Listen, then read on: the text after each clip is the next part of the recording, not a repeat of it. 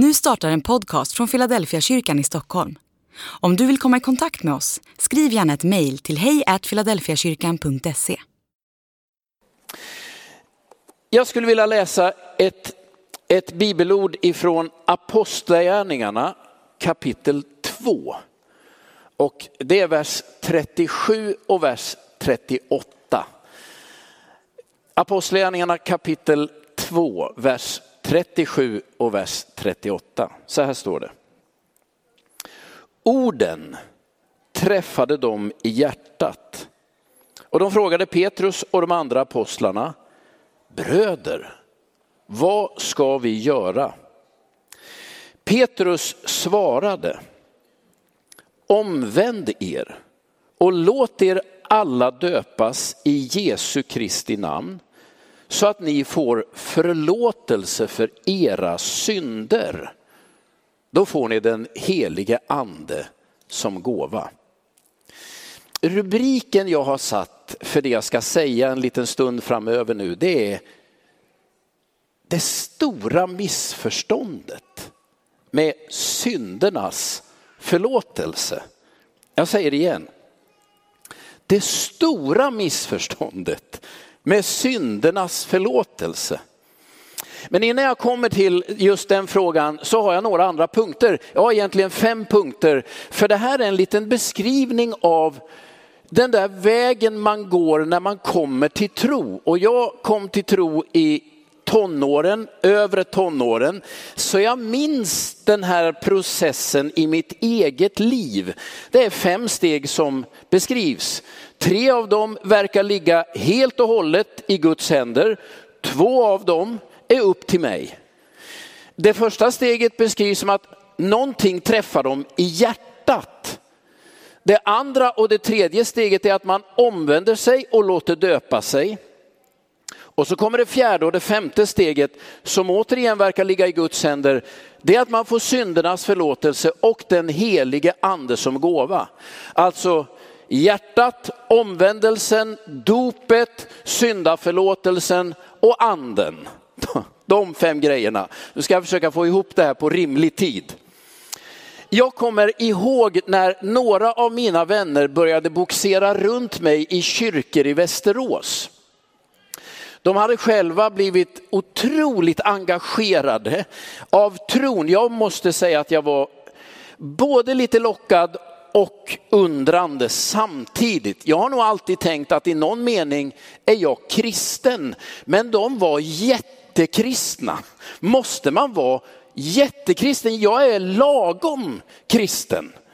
Jag tror också på Gud. Jag ville liksom ändå försvara min heder på något sätt. För jag anade att de uppfattade min tro eh, lite, det var ju underskott i den helt enkelt, inte riktigt tillräcklig. Lite spänning blir det när några av ens goda vänner är riktiga entusiaster och man själv är ändå måttligt intresserad men ändå kristen. Jag inser att som jag en gång tänkte om mig själv tror jag ganska många skulle säga. Jag satt med min granne i mina föräldrars sommarstuga i Lysekil. Och han hade ju snappat upp att jag var präst. Nu kallas vi inte präster utan pastorer i frikyrkorna, men jag, jag tar det. Ja, du är ju präst, säger han. Och så säger han så här, du vet, jag är kristen men jag är inte troende. Jag tänkte, den har jag inte hört förut. Och så förklarar han för mig att du är ju troende, men jag är ju kristen för att jag är döpt, konfirmerad och jag är gift mig i kyrkan. Vad mer begär du? Jag tänker, nej, det är en bra, ett bra, ingångs, bra ingångsvärde. Så jag kände igen den där tanken, alltså vad krävs? Men den första punkten som ju nämns i det här är att någonting träffar människor i hjärtat. Jag tillhör dem som ganska många av er som har otroligt mycket åsikter. Vet man, man talar om killgissa, det gäller ju inte mig längre, jag gubbgooglar. Och att gubbgoogla det betyder att man tänker lite grann efter och så drar man sin mest säkra slutsats. Jag behöver inte tillfråga någon mer, min erfarenhet räcker. Man kan tantgissa också, men vi går inte vidare in på det där spåret. Fråga mig om något och ni kommer att få en åsikt.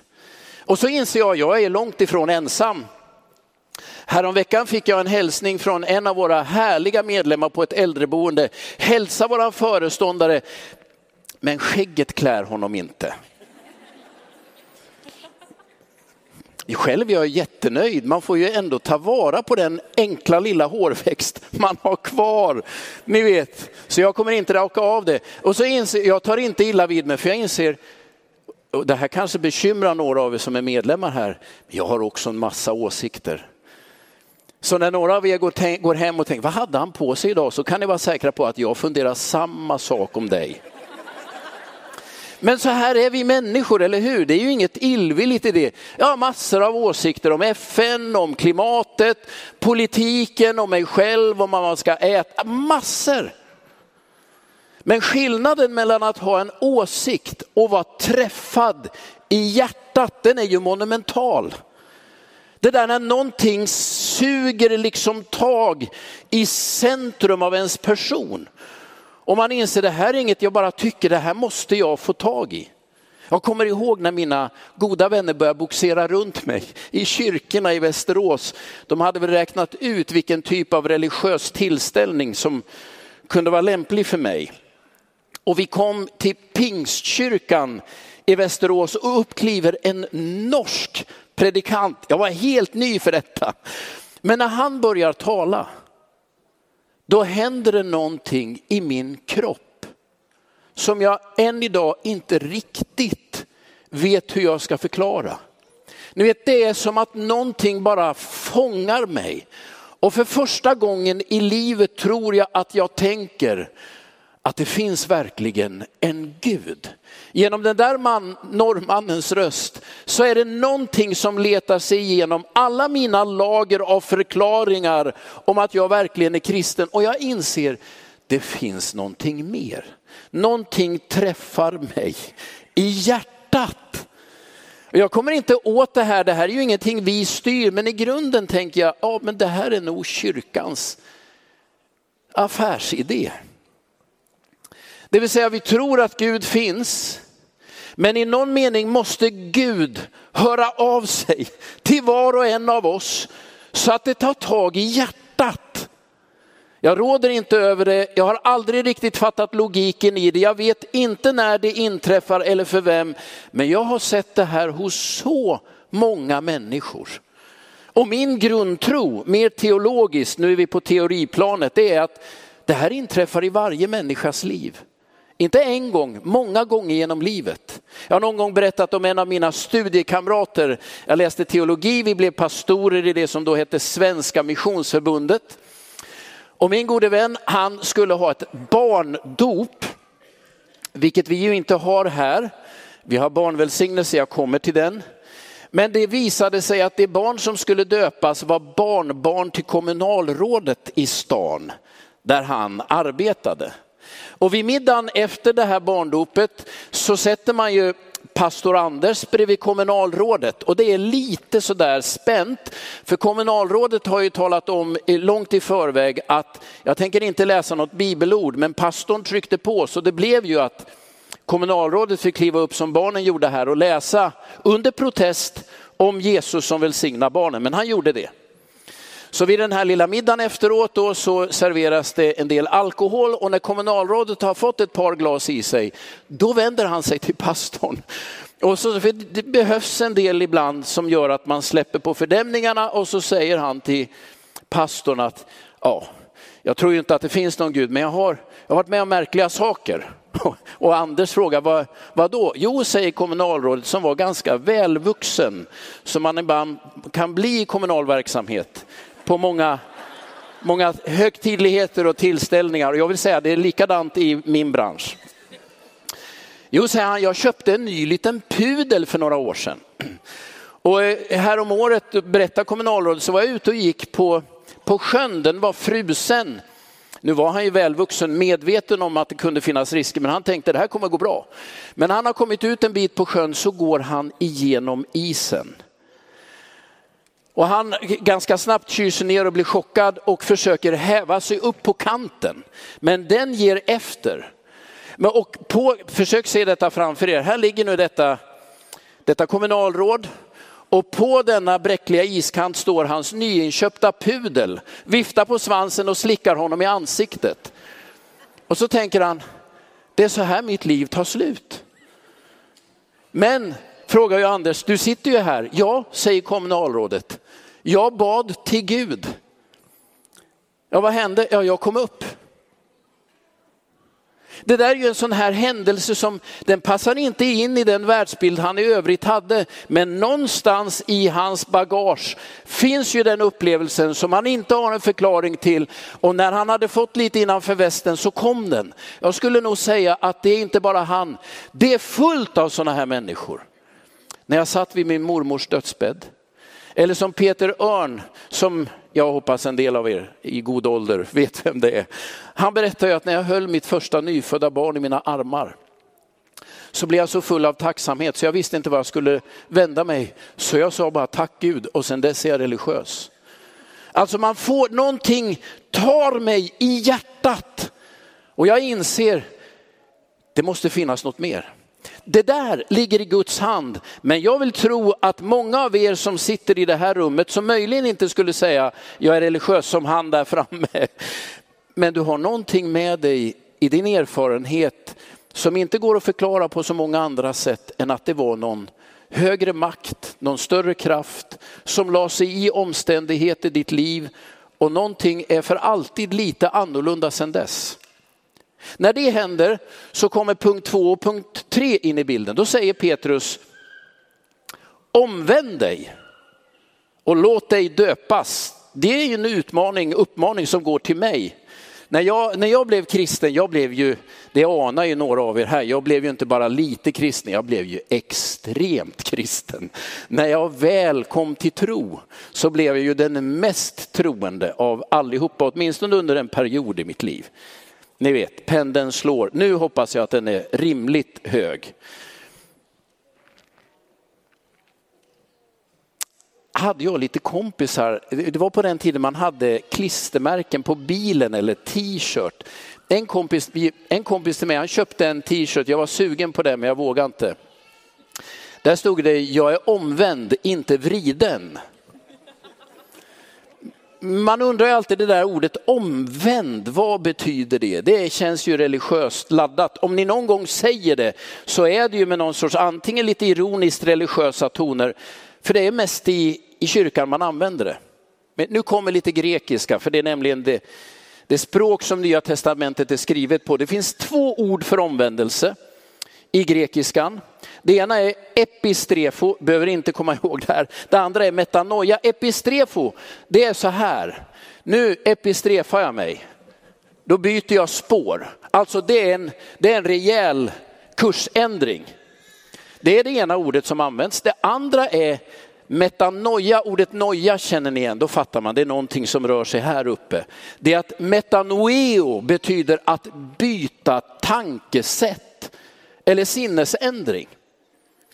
Och jag är glad att det finns två ord för det finns förmodligen lite olika respons på vad omvändelse betyder.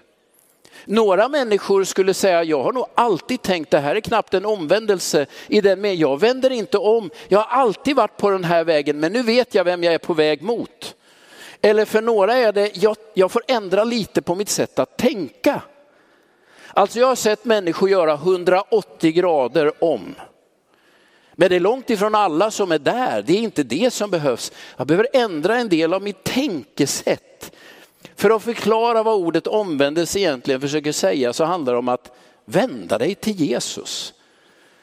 Det är så enkelt skulle jag säga. Vad, vad innebär att vara omvänd? Det är att jag hädanefter vänder mig i riktning mot Jesus. Jag försöker tänka, vad kan jag lära mig av hans undervisning och hans liv? Jag ber Jesus hjälp mig inför viktiga beslut. Jag ber Jesus led mig när jag ska in i svåra situationer. Jag tänker att jag blandar in Jesus så mycket jag kan i mina vardagsomständigheter. Jag lyckas inte alltid. Men rätt ofta tänker jag ändå att det där är en kraftkälla i mitt liv. Jag har omvänt mig. Och ni vet Luther, Martin Luther som ju är bakgrunden till lutherska kyrkan eller svenska kyrkan där jag gissar att i stort sett alla här på något sätt har varit medlem, utom jag då. Jag har aldrig tillhört lutherska kyrkan. Ehm, Luther talar om en daglig omvändelse. Inte en ögonblicklig utan en ständigt pågående process. Där jag liksom varje dag tänker, vart vänder jag mig nu? Jag vänder mig till Jesus. Det är ett beslut du fattar. Gud omvänder ingen, han kommer inte skruva dig, det är helt i dina händer. Om du tänker, det här har, det här har tagit mitt hjärta, vänd dig då till Jesus. Och håll kvar blicken där. Det andra som ju sägs det är, låt döpa dig. Vi har välsignat barn idag, därför att det som kanske kännetecknar den andliga tradition vi förvaltar här i Philadelphia kyrkan är att dopet är den enskilda människans egna beslut som en följd av egen tro. Ingen annan gör det åt mig. Det är mitt beslut när jag tänker detta vill jag göra. Och för mig är omvändelsen möjligen en mer subjektiv inre erfarenhet. Dopet är ju en synlig yttre manifestation. Jag tillhör de som tror att det där inre och det yttre hör ihop. Och det där vet alla, eller många av er som, som har varit igenom ett antal relationer eller Alltså när en person säger ja, jag älskar dig men jag tänker aldrig gifta mig med dig. Då inser man efter ett tag att att om du bara vill ha mig i ditt hjärta men aldrig göra en offentlig deklaration så börjar det till slut svaja. Jo, man behöver tid innan man landar i beslutet. Jag rekommenderar det. Fatta inte sådana beslut för fort och för lättvindigt. Men när folk inte vågar ta en sorts offentlig konsekvens av en inre övertygelse så växer ju frågan, vad blir det här? Omvänd dig, låt döpa dig. De två växer liksom ihop. Den ena är en sorts egen inre och den andra ändå någon offentlig deklaration. Det här vill jag stå för. Detta är dina beslut, eller mina. Sen kommer nu de två återstående stegen. Steg ett, orden träffar i hjärtat. Steg två, jag omvänder mig, vänder mig till Jesus. Steg tre, jag döper mig. Steg fyra, då får du syndernas förlåtelse. Det där har du hört många gånger. Men jag tror att vi uppfattar det där lite fel. För tio år sedan, eller om det är elva år sedan nu, så hörde jag en amerikan tala på den här estraden. Dr. Mark Ruthland hette han. Han refererade till en undersökning som var gjord i USA. Jag har letat efter den men inte hittat den. Men jag tänker, är man teologidoktor så är det det man säger sant. Så jag håller för att det jag nu berättar stämmer. Han, säger, han sa så här då att det gjordes en undersökning bland många amerikaner och det man frågar efter det är, vilka uttryck är du absolut mest glad över att höra? Och så hade han en trepunktslista. Det första som en amerikan blir glad i hjärtat av att höra, det som kommer högst upp på listan, jag älskar dig. Det kan man känna, tror jag, skulle funka i Sverige med. Det andra som ett sånt här ord som värmer hjärtat för en amerikan, 2010 är vi tillbaka på nu, det är det här, du är förlåten. Och så kommer det tredje, maten är klar. Men det man kan säga om de här uttrycken är att de nog är allmänmänskliga. Förlåtelse är så viktigt. Vi använder ju det för att återupprätta en relation och när man förlåter något så brukar det handla om att du sa så och du gjorde så. Och om en människa säger jag ångrar mig, jag vill be om förlåtelse och vi uppfattar att det är en ärligt önskad förlåtelse så kan vi efter ett visst mått av förhandling med oss själva säga okej, okay, jag förlåter dig. När jag var liten, detta säger mina föräldrar, jag har själv inget minne av det, så sa jag till mina föräldrar, pussa mig, krama mig och säg förlåt. Förmodligen bara för att det känns bra. Och en del av er använder ju ordet förlåt utan att ni egentligen har något att be om förlåtelse för. Jag har hört människor gå upp och säga, ja om jag har gjort något mot någon så be om förlåtelse. Och tanken när man säger det, det är ju att en allmän amnesti, men du ska bara veta när du använder ordet förlåt så att risken finns att du snarast väcker en misstanke. Aha, nu ber hon om förlåtelse så något har hon i alla fall gjort. Jag har lärt mig att det är skillnad på att be om förlåtelse, att be om ursäkt och att beklaga. Ibland behöver jag be om förlåtelse för jag sa så, det var dumt gjort. Och jag, jag försöker backa bandet. Tog 24 timmar men nu har jag klarnat, förlåt. Och ni vet efter den förhandlingen om man vet, ja men du är förlåten, det är en sån lättnad. Och så börjar man om.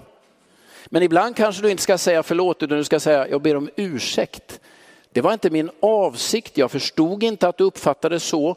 Jag kan ju inte be om förlåtelse för det var inte med illvilja. Och det tredje är att säga, nej men jag får bara beklaga att du uppfattar situationen sån här. Men jag har inte haft en avsikt och det är inte illa menat, men du tolkar det så. Förstår ni? Fundera ett par gånger hur vi använder det där ordet förlåt. Men det vi gör, eller det jag gör, det är att jag tänker att som jag använder ordet förlåt, så funkar det med syndernas förlåtelse.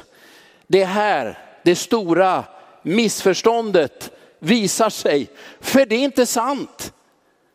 Jo, Gud förlåter, men syndernas förlåtelse är så mycket större. Det är inte en engångshändelse som förhandlas om och så nollställer man räkneverket och sen börjar man om. En del av er sitter ju och tänker så, ja, man ska be Gud om syndernas förlåtelse, men nummer ett, det gäller ju först att veta om man har syndat, hur ska man kunna hålla koll på det? Och nummer två, om man dör när man har gjort en rejäl synd och inte hunnit be om förlåtelse, vilket läge befinner man sig i då? I den yttersta domen? Jag har mött alla de här frågorna. Jag skulle vilja säga att detta bygger på ett stort missförstånd. Vi tänker att Gud förlåter ungefär som vi. Nu har du gjort en sak fel, nu får du visa lite ånger så kommer Gud förlåta dig och sen är det nollställt och så börjar vi om. Nej, syndernas förlåtelse är oändligt mycket större. Låt mig läsa ifrån Kolosserbrevet kapitel 1, vers 13 och 14. Han har räddat oss ur mörkrets välde och fört oss in i sin älskade sons rike. Och genom sonen har vi friköpts och fått förlåtelse för våra synder. Låt det där ligga kvar en liten stund. Det här kan översättas på olika sätt. Här låter det som att vi har, hamnat, vi har bott på ett ställe, flyttat till ett annat och utöver det så har vi också fått förlåtelse för våra synder. Men du skulle lika gärna kunna läsa detta som att genom att du har fått förlåtelse för dina synder så har du bytt bostadsort. Du har hamnat under en helt ny regim. Du har inte bara fått förlåtelse för ett antal handlingar. När Gud har tagit dig ur en livssituation och förflyttat dig in i en helt annan. Jag var i Burundi för eh, två år sedan, innan jul 2019. Och då flyger man, jag flyger via Ethiopian Airlines, landar i Addis Abeba, man flyger en hel natt, det är förfärligt. Och så kommer man till Addis Abeba och så vet man, nu har jag sex timmar. Jag ska försöka vingla runt på den här flygplatsen och hålla mig vaken innan planet går vidare till Bujumbura och så landar man där sen. När jag kom till Addis Abeba så ser jag att ur planet från Stockholm kliver ett antal afrikaner. Eh, och vi hamnar på samma restaurang, vi sitter på samma café. Och jag hör ju direkt att nej, det är inga afrikaner, det ser bara så ut, de är ju svenskar. Och jag ser ju på kläderna att de är klädda som svenskar. Så det blir så att vi börjar prata med varandra. Och eh, ganska så snart så frågar ju jag, ni vet den här klassiska frågan, var kommer ni ifrån? Och då säger alla, de är sex stycken, vi är från Burundi. Och då börjar jag skratta. Jag får säga, nej det är ni inte. Ja, jag undrar varifrån kommer ni? Ja, då kryper det fram. Jag har ju bott i Västerås i 20 år. Jag kom till Sverige när jag var 14. Ja, men varför säger du då att du är från Burundi då? Är det någon gång du inser att du inte är från Burundi så är det när du kommer hem igen. Ja, så började vi prata om det och så frågade de vad, vad har ni för pass? Ja, vad tror ni? Alla sex drar ju fram ett svenskt pass. Och så säger jag, men så ni är inte ens burundiska medborgare? Nej, säger de. Och era barnen där, de pratar ju, de pratar ju rå-stockholmska några, man inser, nej det här är inga burundier. Men det är klart, hudfärgen skulle möjligen signalera att de har en annan bakgrund än jag. Och en del av deras traditioner där hemma, kanske en del av maten de äter skulle förklara att de har en annan tradition än jag. Men de är ju inte burundier. Det är länge sedan de bodde där. De har vissa fenomen, om man nu får uttrycka det så, kvar, men de är ju svenskar. Vad är det som händer när jag får syndernas förlåtelse? Jo, lyssna nu. Då blir jag medborgare i nådens kungarike. Sen har jag ju en del beteenden med mig som påminner om att jag har en annan bakgrund. Och ibland har jag en del, en del fenomen, säger grejer, gör grejer som jag tänker, nej det här, det här är inte klädsamt i nådens rike. Men det gör mig inte till en syndare igen, i alla fall inte på samma sätt. Jag har bytt bostadsort. Syndernas förlåtelse handlar inte om en enstaka händelse och bara den gången. Syndernas förlåtelse är en total förändring av alla dina livsparametrar för alltid. Nu, nu, finns det en risk med det jag nu berättar och det är att man tänker, okej, okay, är man från Burundi då är det som att man är en syndare som har flyttat till Sverige och då blir man på något sätt en del av nådens rike. Här kommer en annan variant för att balansera. Ni har ju sett Stefan Sigfrids här uppe, han som hälsar välkommen och bad. Lena Tellebo, det är ju Kalles kaviar. Hela, vet, blonda, blåögda. Det syns ju direkt, detta är svennar. Fast Stefan är ju finne, men man tänker ändå det är samma grannskap. Titta på mig. Vi reste ihop i Egypten för några år sedan. Och bland annat då i Egypten kan man ju köpa skjortor med egyptisk bomull. Så vi kliver in i en skjortbutik. Jag, Stefan Sigfrids, Lena Tellebo. Och så står vi där och ska ha tag på skjortor och då glider ju expediten iväg. Nu in genom dörren kommer några egyptier. Och de ser naturligtvis att Stefan Sigfrids, Lena Tellebo, det är ju helt utsocknes. Var är expediten? Varvid de vänder sig till mig och börjar tala till mig. Och Riham som är med våran tolk, hon tittar lite först, sen börjar hon bara gapflabba. Och så säger hon, Niklas de tror att du jobbar här. Så om ni, jag har ett sånt här, ni vet, skön tanke, jag kan, jag kan ändå sälja skjortor i Egypten om det här med att vara pastor inte funkar i längden. Det där hände inte bara en gång, det där upprepades gång på gång. På gatorna i Kairo kommer ju folk fram till mig och börjar prata med mig. Så jag brukar tänka, jag har ett internationellt utseende. Nej, men man kan ibland ta miste, ja men det är klart jag ser kanske inte 100% svensk ut, men jag är svensk. När jag var ny pastor, ni vet jag heter Pienso i efternamn, det är länge sedan, 30 år sedan drygt, då var det folk som kom fram och sa, åh vad bra svenska du pratar. Jag är ju född i Västerås. Men det var ju när finnar var det mest exotiska som fanns i det här landet. Vad jag vill säga det är att även om jag i mitt liv kommer ha kommer ha beteenden, tankar, agera som en rest från en gammal omständighet. Synden finns kvar som en ovälkommen följeslagare i mina tankar och mina handlingar. Så lever jag faktiskt nu i nådens rike.